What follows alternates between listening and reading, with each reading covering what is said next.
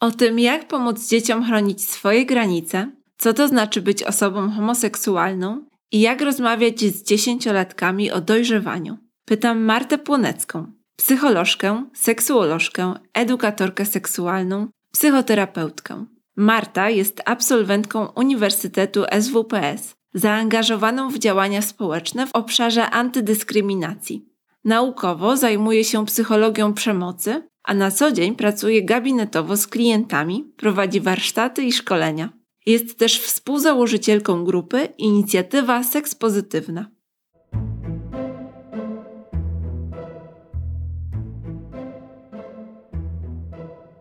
Nie mam dzieci. Nie jestem psycholożką ani edukatorką seksualną. O intymności wciąż się uczę. Dlaczego zatem podcast o edukacji seksualnej? Bo głęboko wierzę w bezpieczną przyszłość, że dzięki wiedzy przestajemy się bać, wstydzić, zaczynamy odróżniać przekonania od faktów, że edukacja jest drogą do prawdziwej trwałej wolności. I wierzę też, że o intymności najwięcej uczymy się od naszych najbliższych, rodziców i opiekunów. Dlatego to właśnie Wam dedykuję tę audycję. W tym podcaście usłyszysz rozmowy z 19 psycholożkami, seksuolożkami i edukatorkami seksualnymi. Poznasz odpowiedzi na ponad 300 prawdziwych pytań zadawanych przez dzieci i nastolatki. Dowiesz się też, jak rozmawiać z dziećmi o dojrzewaniu, relacjach i seksie. Jak w bezpiecznych warunkach dać im najcenniejszą rzecz wiedzę, a tym samym bezpieczeństwo i zdrowie. Pamiętaj również, że zastosowany podział według wieku jest umowny. Wybrane pytania mogą pojawić się wcześniej lub później, bo każde dziecko rozwija się w swoim indywidualnym tempie. Zapraszam do słuchania.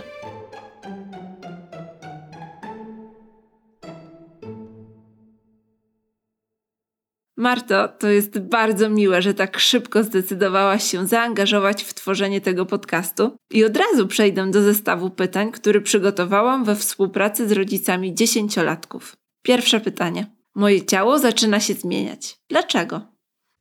Ciało zaczyna się zmieniać, dlatego że rośniesz. Naturalnie, tak jak wszystkie inne rzeczy w Twoim ciele, zmieniasz się pod wpływem wzrostu. Pamiętasz, jak kiedyś mleczaki były, a potem wypadły? No to ciało zaczyna się zmieniać też w związku z tym, że dojrzewasz. No i ono może w związku z tym dojrzewaniem zmieniać się na różne sposoby. Może pojawić się owłosienie na przykład na na różnych częściach Twojego ciała, może się pojawić pod pachami, może się pojawić między nogami, może gdzieś nawet na brzuchu, na rękach, na nogach. Tak naprawdę to będą te same włosy, które masz do tej pory, tylko one nabiorą ciemniejszego koloru, będą bardziej widoczne, mogą stać się też grubsze, ale też mogą się czasem przytłuszczać, dlatego ważne jest, żeby dbać o higienę, bo z czasem Twoje ciało też zacznie wytwarzać pot, który ma zapach. Bywa ten zapach czasem nieprzyjemny, właśnie dlatego polecam taką higienę, tak? Żebyś pamiętał czy pamiętała o tym, jak ważne jest mycie się. Dlatego właśnie, że Twoje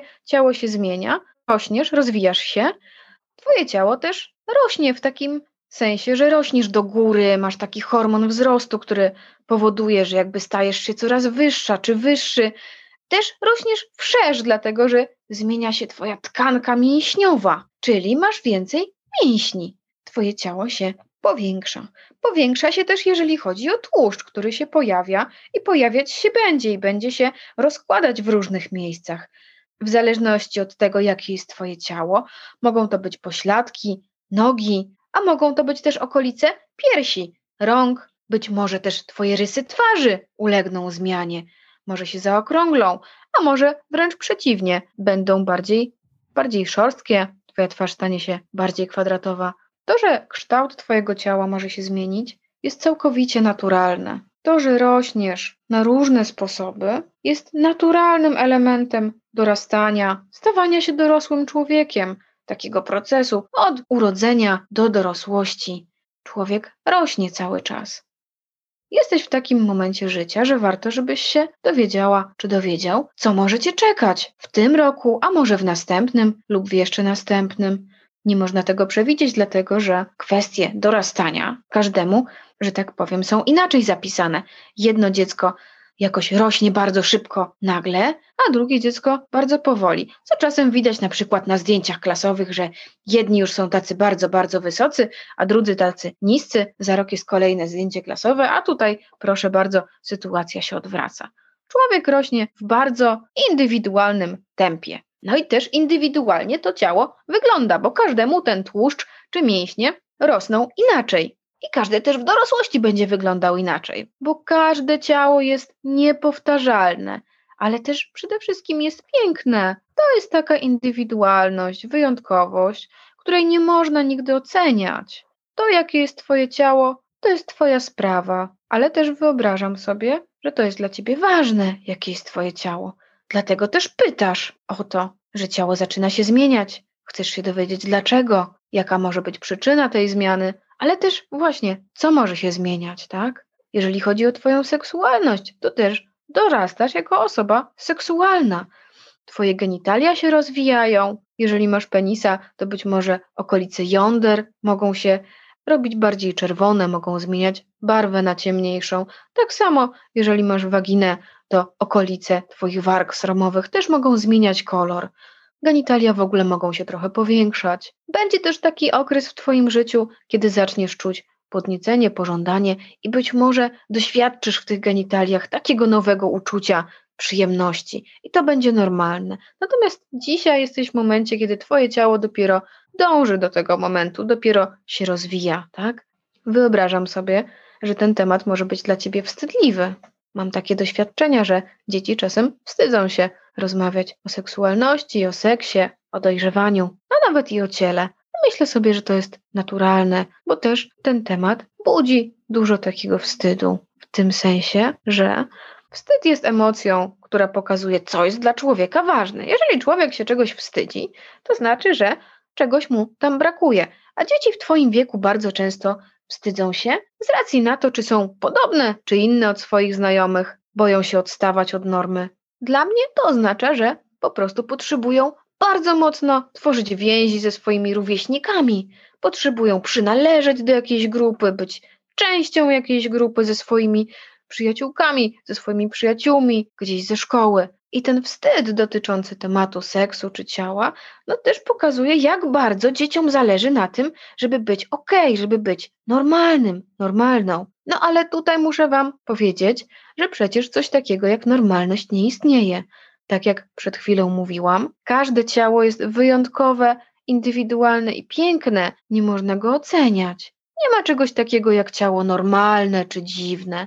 Każde ciało zmienia się czy dorasta na swój sposób. Szczególnie na pierwszych okresach rozwojowych, każdemu to ciało może się zmieniać w sposób, który się nie spodziewa, ale też może w sposób niesymetryczny, może taki, który też budzi różne emocje, takie jak zaciekawienie, ale może nawet strach. No, co się dzieje ze mną? Dlaczego rosną mi te włosy? Dlaczego jakby pojawia się tłuszcz na moim ciele? Dlaczego się pocę? To są rzeczy, które rzeczywiście mogą budzić dużo, dużo różnych emocji.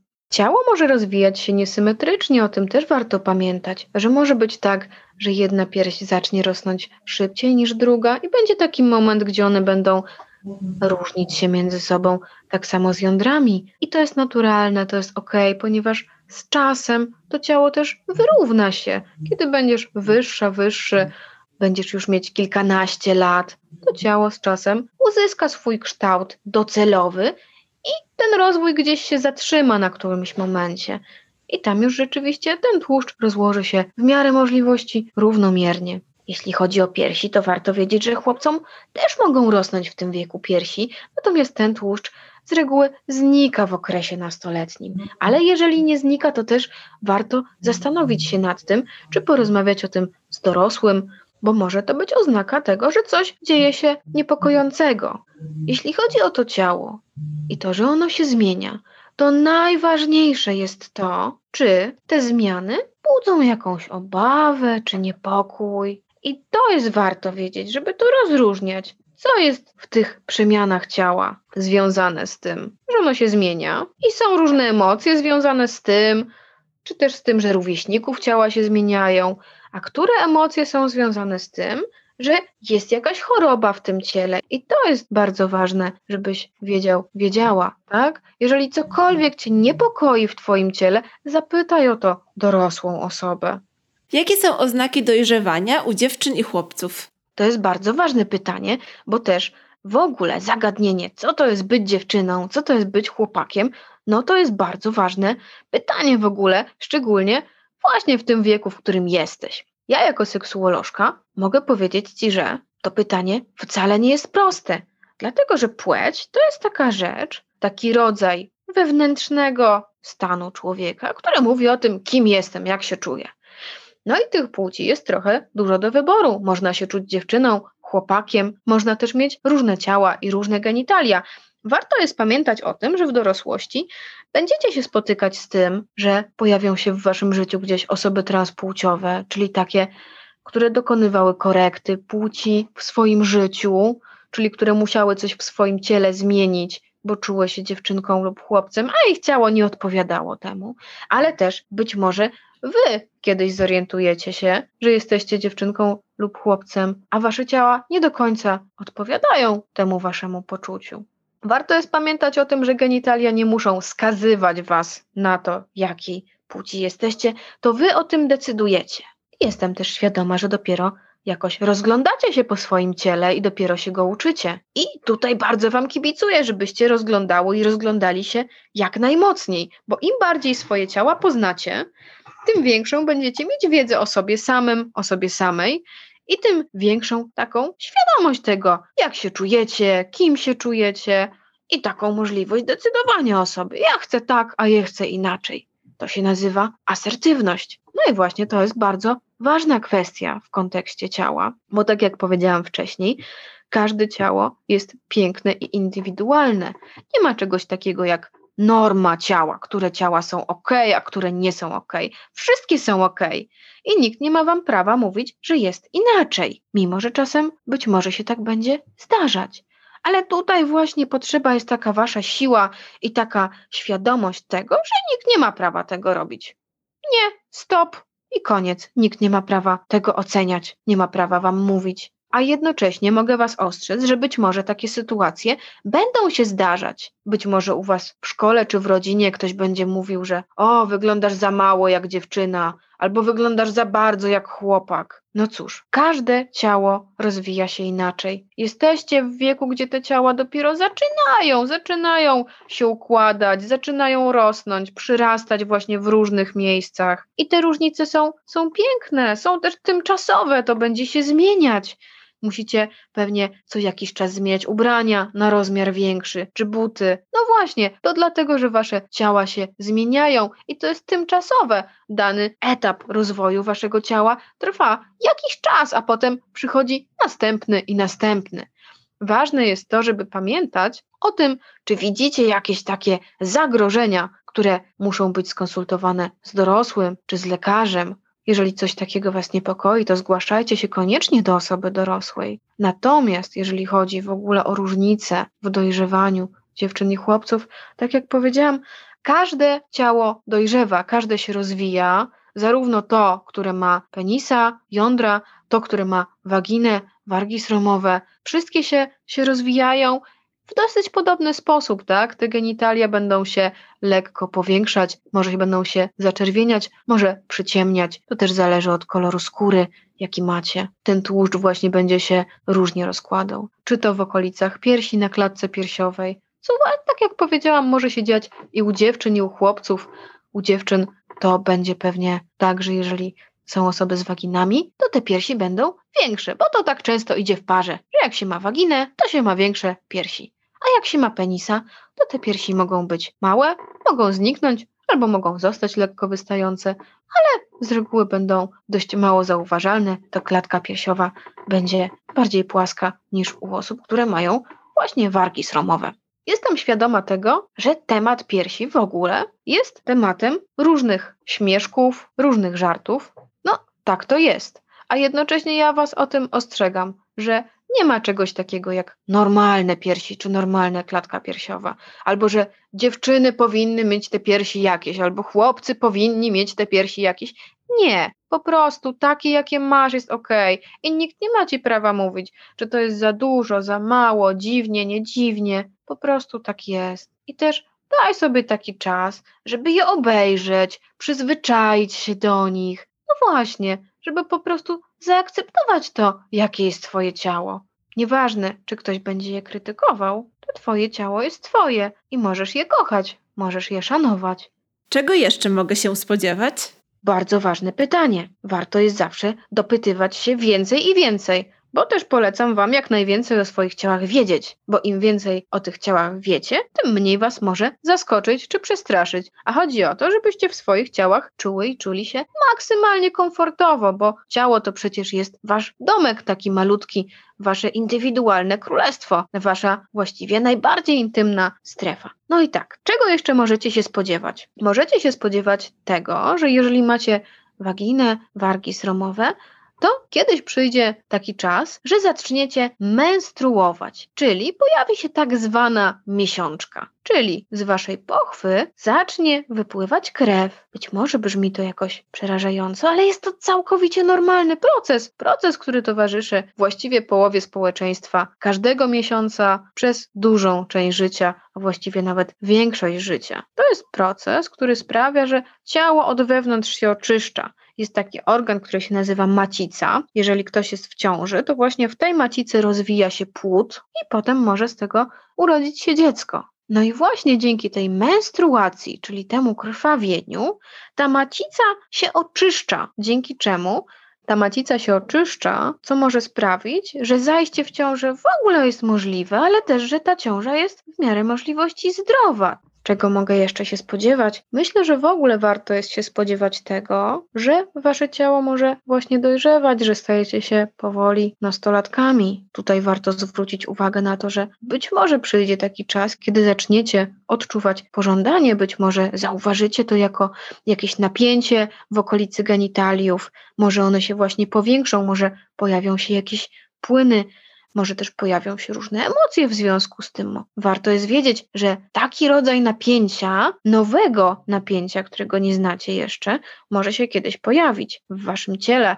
I to jest coś, na co warto być gotowym i gotową, i też oswajać to doświadczenie, bo później będzie Wam towarzyszyć przez pewnie dużą część życia, tak? I im lepiej się oswoicie z tym na początku, tym łatwiej będzie później Wam żyć z tą Waszą seksualnością, która kiedyś się jeszcze bardziej rozwinie.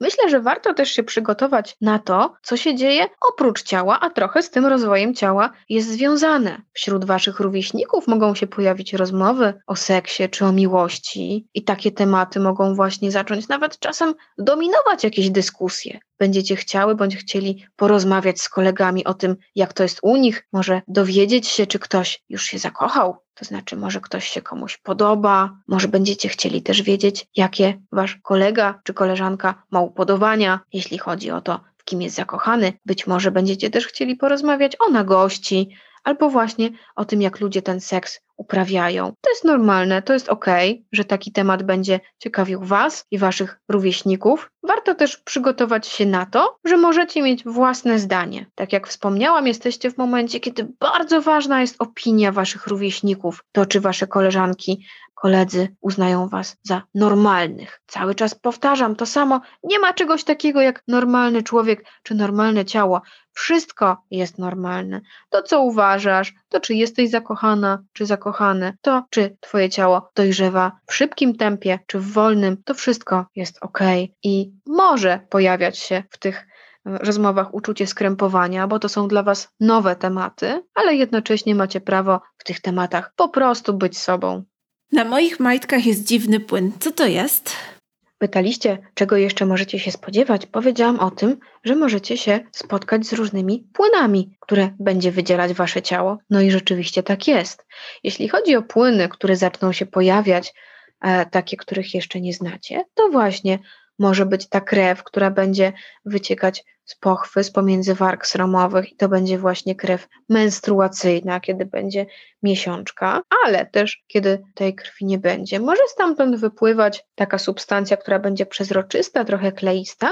To jest substancja, która się nazywa wydzielina z pochwy. Ona pomaga e, utrzymać waginę w stanie czystości, ale w stanie też dobrego zdrowia seksualnego tak naprawdę. Ta wydzielina może się pojawiać samoistnie, ale właśnie wtedy, kiedy myślicie o tym, czy ktoś Wam się podoba, może oglądacie coś, co na Was wpłynie, albo też kiedy po prostu się w kimś może zakochacie i będziecie o nim myśleć. I to jest naturalny proces, że ta wydzielina z pochwy się pojawia i ona będzie się pojawiać, też w zależności od tego, czy jest przed menstruacją, czy po. Ona może wyglądać troszeczkę inaczej, ale warto się przyzwyczaić do tego, że w ogóle okolica sromu to jest okolica, która przeważnie w ogóle będzie wilgotna, tak? Albo będzie tam się znajdować krew, albo odrobina tej wydzieliny z pochwy, w zależności od tego właśnie, jaki jest powód, że ona się wydziela, to będzie jej mniej lub więcej, ale raczej ono tam będzie. Jeżeli chodzi o, o penisy, to penisy wydzielają jakby dwa rodzaje substancji. One się nazywają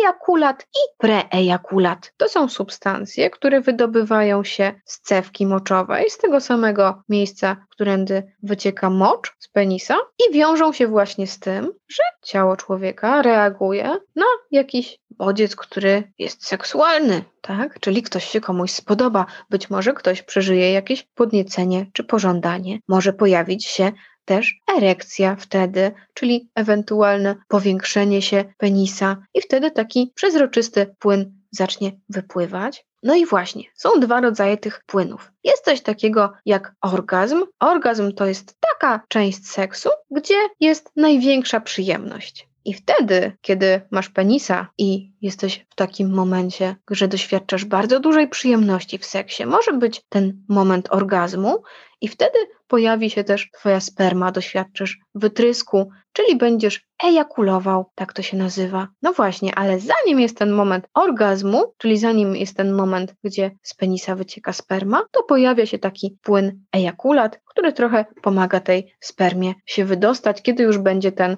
ten moment orgazmu. W Twoim wieku jest też tak, że te substancje mogą się pojawić same. Może być tak, że kiedyś się obudzisz i Twoje majtki będą mokre, bo jest tak, że w Twoim wieku często w trakcie snu ten ejakulat czy preejakulat się pojawia i to jest normalne, bo tak właśnie wygląda rozwój seksualny osób, które mają penisy. Pojawiają się tak zwane nocne polucje. To tak się czasem też mówi, jak się tłumaczy o co chodzi. I warto jest też się jakby tego nie bać, bo to jest naturalne, to jest ok to, co należy zrobić, to po prostu jakoś umyć zanim pójdziesz do szkoły, zmienić bieliznę czy piżamę. Jeśli chodzi o płyny, jakie mogą znajdować się na majtkach, to jest też mocz, czyli tak zwane siki. Mocz może wyciekać z organizmu wtedy, kiedy siadamy na toalecie, ale też może czasem pojawić się w trakcie dnia, ponieważ cewka moczowa, taka duża właściwie pompa do, do moczu, ona może być bardziej lub mniej zaciśnięta, może ten mocz się pojawić też poza toaletą. Czasem, jak to się mówi, możemy coś popuścić. Może to być związane z tym, że jest jakaś choroba, jest jakieś zapalenie układu moczowego, czyli tego układu odpowiedzialnego za sikanie, ale może dlatego też, że jesteśmy w trakcie zabawy, albo może w trakcie sportu, albo też niedokładnie jakoś wytarliśmy się podczas korzystania z toalety i coś jeszcze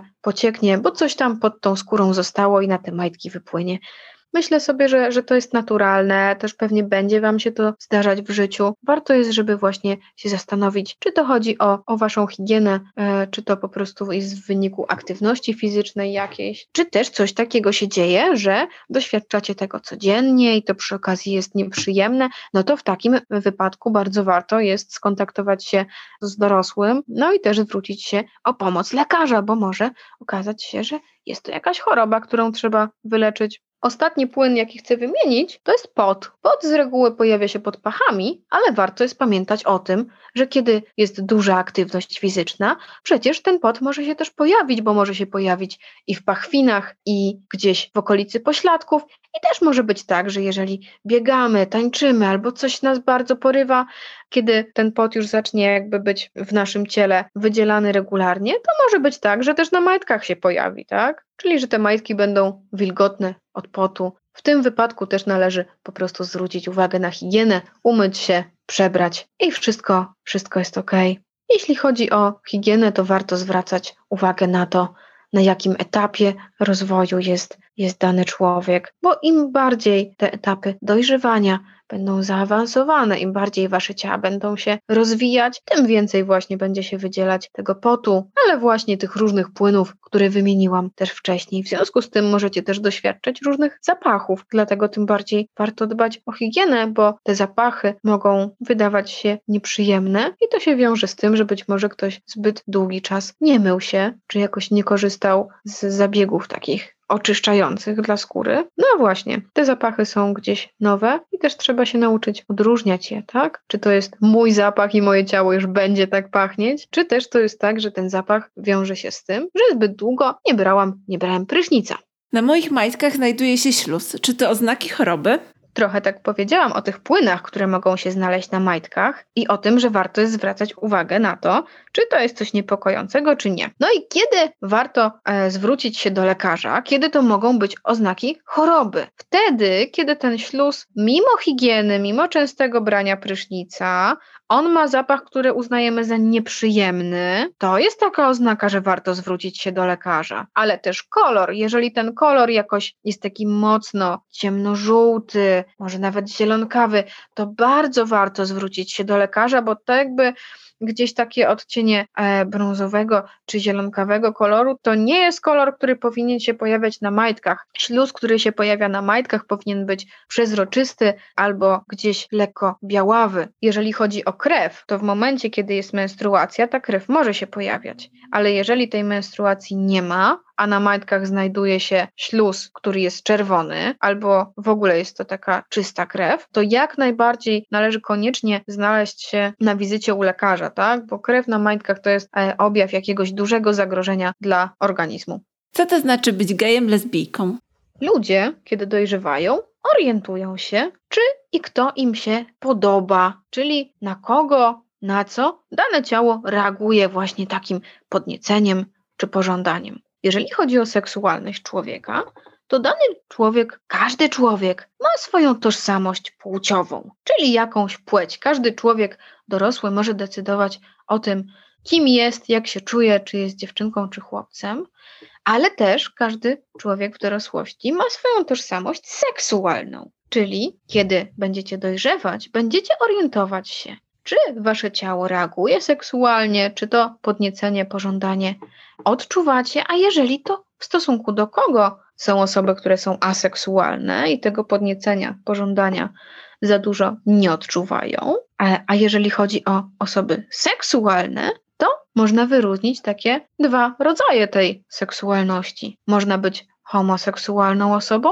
albo heteroseksualną osobą. To, co różni te dwie seksualności, to jest to, do kogo czujemy taki pociąg romantyczny, taki, żeby się kimś zakochać, całować, spędzać z kimś czas, albo taki seksualny, czyli właśnie, żeby jakiś rodzaj seksu z kimś uprawiać. I jeżeli czujemy taki pociąg do osoby tej samej płci, co my jesteśmy, to możemy powiedzieć o sobie, że jesteśmy homoseksualnymi osobami. Czyli na przykład gejem lub lesbijką. Gej to jest taki chłopak, który się umawia lub uprawia seks z innymi chłopakami, a lesbijka to jest taka dziewczyna, która właśnie umawia się czy uprawia seks z innymi dziewczynami. Warto jest też pamiętać o tym, że są osoby biseksualne, czyli takie, które lubią i chłopców, i dziewczynki, czyli takie, dla których płeć też nie do końca ma znaczenie, bo czują ten pociąg romantyczny czy jakieś podniecenie w stosunku do i chłopców, i dziewczynek.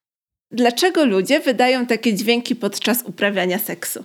Bardzo ciekawe pytanie zadajesz. Samo uprawianie seksu, jak być może zdążyłaś, zdążyłoś się dowiedzieć, wiąże się z tym, że osoby dotykają ciała swojego, albo też czasem ten seks polega na dotykaniu siebie i drugiej osoby naraz, i wtedy nawet kilka osób może w takim seksie uczestniczyć. Czyli seks może być solo albo w grupie, na przykład z drugą osobą. No i ten seks to jest taka sytuacja, gdzie pojawia się bardzo dużo energii i emocji. Czy to jeżeli chodzi o taki seks solo, czyli masturbację, jak i seks z kimś, z drugą osobą, z drugim człowiekiem. No i ta energia i te emocje szukają jakiejś drogi ujścia. Tak samo jak kiedy ogląda się mecz i ludzie kibicują i strzela się gola i wtedy krzyczą wszyscy, albo wtedy kiedy tańczą, jest głośna muzyka i też krzyczą. Więc takie intensywne przeżywanie to jest właśnie jeden z powodów, dla którego w seksie pojawiają się takie dźwięki, jak na przykład jakieś okrzyki, czy jakieś właśnie głośne, mogą to być też jęki, albo jakieś inne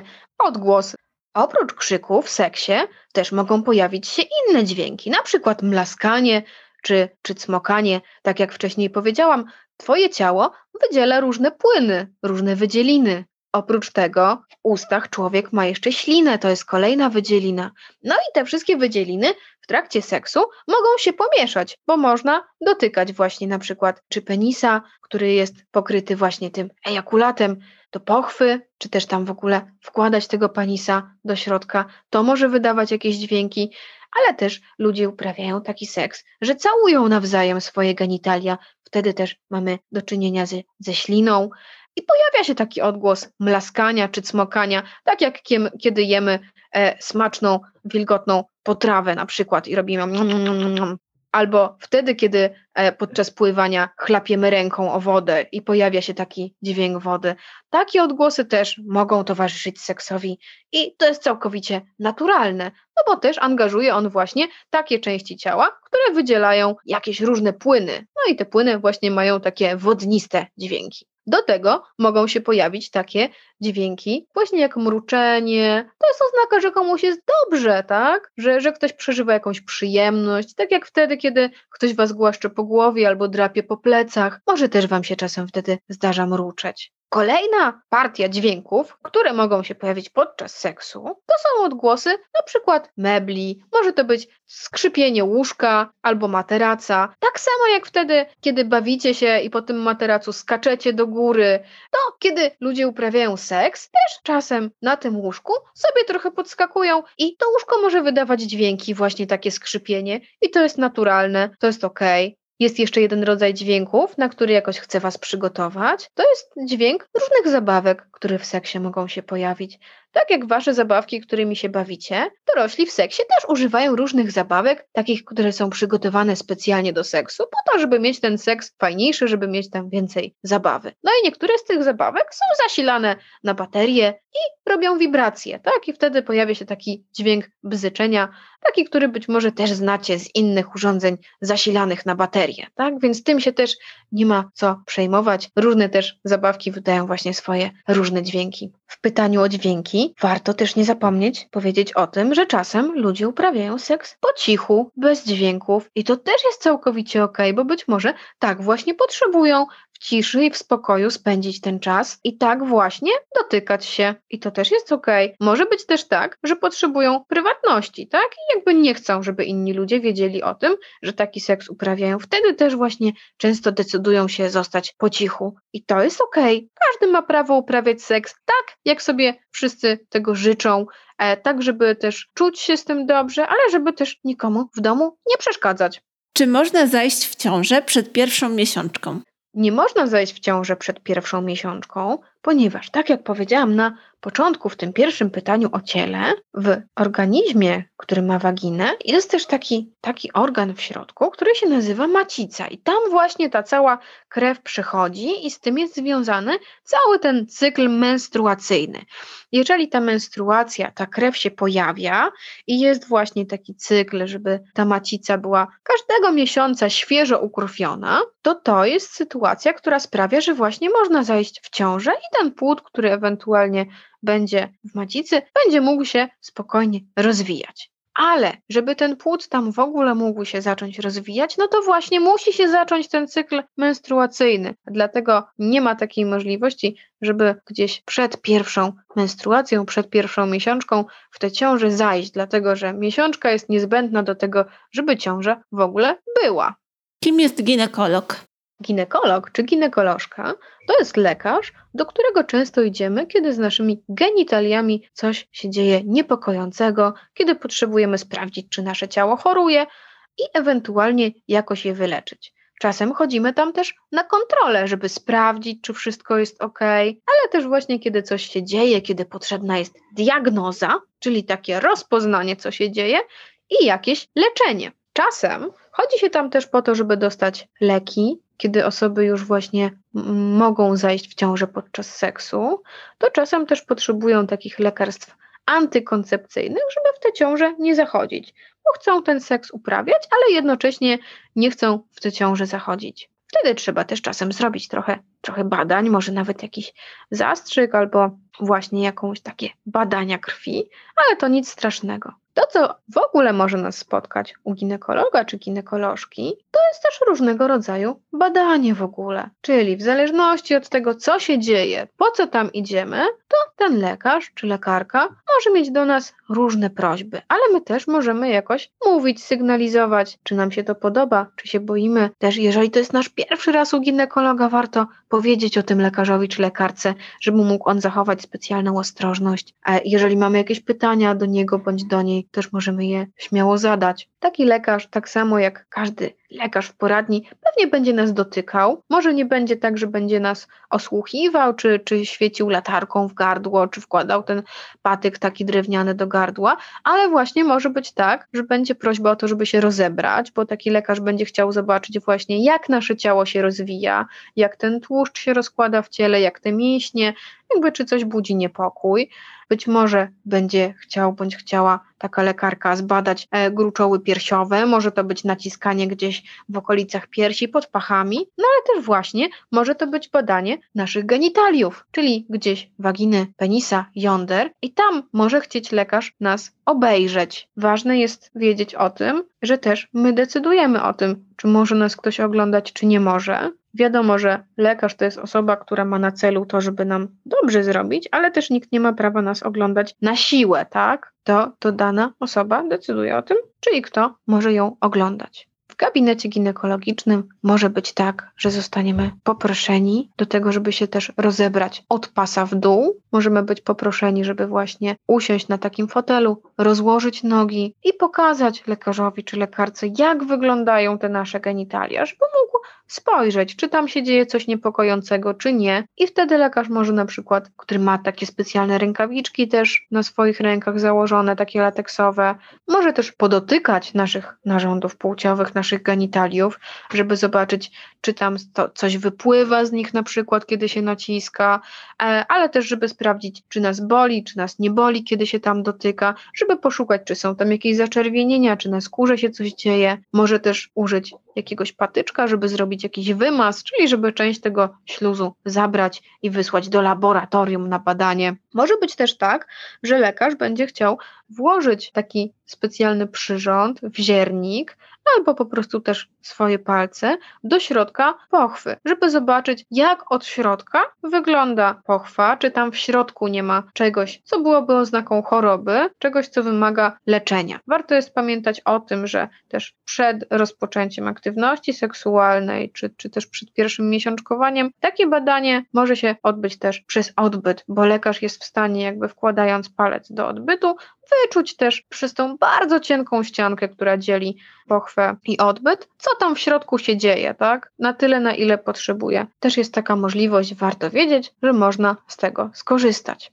Co do tych lekarzy, muszę Wam też powiedzieć, że oprócz ginekologa czy ginekolożki jest też kilka innych zawodów medycznych, z którymi możecie się spotkać w Waszej seksualności. Możecie kiedyś trafić do urologa, czyli takiego specjalisty właściwie od, od moczu i od penisów. Możecie trafić do proktologa, czyli do specjalisty od odbytu, jego okolic, ale też tego, jak się wypróżniacie, jak się załatwiacie kolejny rodzaj lekarza bądź lękarki to jest endokrynolog bądź endokrynolożka. I to jest specjalistka, która się zna na hormonach. Właśnie często się stosuje tego, to określenie, że, że wasze hormony buzują w okresie dojrzewania.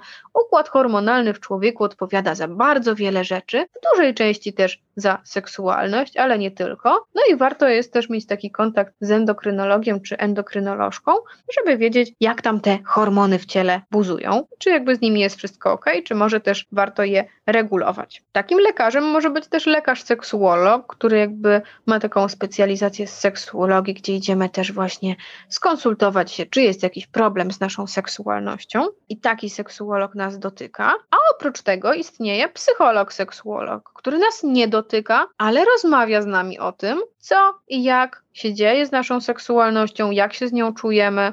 I do takiego psychologa, seksuologa idziemy, kiedy nasze emocje i seksualność nie idą w parze. Kiedy na przykład czujemy się bardzo, bardzo smutni albo bardzo, bardzo, bardzo zawstydzeni w związku z tym, że tę seksualność mamy albo że mamy jakieś genitalia, albo w ogóle, że nasze ciało się jakoś rozwija, tam też idziemy. Koniecznie, kiedy wydarzy się taka nieprzyjemna sytuacja, że spotka nas w życiu tak zwany zły dotyk, czyli że ktoś zastosuje wobec nas jakąś formę wykorzystania seksualnego, jakąś formę przemocy, tak? Psycholog to jest bardzo ważna osoba, która pomaga ludziom radzić sobie z emocjami takimi, które są trudne i nieprzyjemne, kiedy coś się dzieje w życiu jakiegoś ważnego lub trudnego, warto się zgłosić do psychologa. Nie lubię, kiedy wujek, ale tutaj można wstawić dowolną inną osobę, komentuje zmiany w moim wyglądzie. Co mam mu powiedzieć? Padło wcześniej tutaj takie słowo asertywność. Pamiętaj, masz do niej prawo. Nie musisz, to nie jest twój obowiązek, żeby być grzeczną dziewczynką albo grzecznym chłopcem i pozwalać każdemu komentować Twoje ciało, jak i kiedy mu się podoba. Ani Twój wujek, ani ciocia, ani koledzy czy koleżanki w szkole, ani żaden nauczyciel też nie ma prawa komentować Twojego ciała. Twoje ciało jest tylko Twoje, jest piękne i wyjątkowe i nikt nie ma prawa go oceniać, czy ono jest jakieś ładne, nieładne, brzydkie czy niebrzydkie, normalne czy nienormalne. Twoje ciało jest po prostu Twoje. Kiedy będziesz chcieć, chciała uzyskać jakąś informację dotyczącą tego, czy coś jest ok, czy coś nie jest ok, może coś będzie budzić Twój niepokój w Twoim ciele, to sama się o to zapytasz jakiejś dorosłej osoby. Natomiast jeżeli chodzi o takie komentarze, czy to nawet komplementy, to możesz sobie ich nie życzyć. To ty decydujesz, czy i jakie informacje o swoim ciele przyjmujesz, i możesz sobie nie życzyć tego, żeby ktoś komentował Twoje ciało wbrew Twojej woli, czy żeby w ogóle Twoje ciało i Twoje dorastanie były na przykład tematem rodzinnych dyskusji przy stole. Jeżeli chcesz, żeby tak nie było, to zachęcam cię, żebyś mówił, mówiła wyraźnie i stanowczo nie, że się na to nie zgadzasz, bo na tym właśnie polega asertywność żeby stanowczo i twardo mówić, że czegoś sobie człowiek nie życzy. Ale też jeżeli takie powiedzenie stanowczego nie nic nie wnosi, no to warto się zgłosić do osoby dorosłej i poprosić o pomoc, tak, że mimo waszej asertywności ktoś nie przestaje robić tego, co sprawia wam przykrość. To samo też właściwie e, dotyczy nie tylko komentowania, ale i w ogóle dotykania. Zachęcam Cię, pamiętaj o tym, że nikt nigdy nie ma prawa dotykać Cię bez Twojej zgody. Ani wujek, ani ciocia, e, którzy chcą, żebyście ich pocałowali na do widzenia, ani żaden kolega w klasie, czy tym bardziej obca osoba. To Wy decydujecie o tym, czy dotykacie się sami, czy ktoś Was dotyka, bo to jest Wasze ciało i jesteście jego, że tak powiem, paniami i władczyniami panami i władcami. I tak właśnie powinno być, że to ciało to, tak jak wcześniej powiedziałam, jest wasze królestwo i możecie sobie urządzać je tak, jak sobie życzycie i nikt nie ma prawa tego oceniać. Okej, okay. dziękuję Ci jeszcze raz gorąco i życzę Ci dobrego dnia i dobrego weekendu. Dzięki. Pa, pa. Dziękuję za wysłuchanie dziesiątego odcinka podcastu Skąd się biorą dzieci. Mam nadzieję, że znalazłaś, znalazłeś tutaj wartościowe treści, które realnie pomogą Ci w rozmowach o intymności z Twoimi pociechami. W temacie rzetelnej edukacji seksualnej w Polsce jest wciąż wiele do zrobienia. Dlatego, jeśli chcesz dołożyć cegiełkę do powstania drugiego sezonu tego podcastu, wpłać ją na portalu zrzutka.pl łamane na z łamane na skąd się biorą dzieci bez polskich znaków. Pamiętaj, że ogromnie nam pomożesz, jeśli podzielisz się linkiem do tego odcinka ze zaprzyjaźnionym rodzicem. Zajrzyj też na nasz profil Skąd się biorą dzieci na Instagramie i na www.skądsiebiorondzieci.edu.pl, gdzie znajdziesz jeszcze więcej edukacyjnych treści. Partnerem sezonu pierwszego podcastu Skąd się biorą dzieci jest nowyinternet.pl. Dostawca hostingu, domeny, poczty oraz strony www dla Ciebie i Twojego biznesu.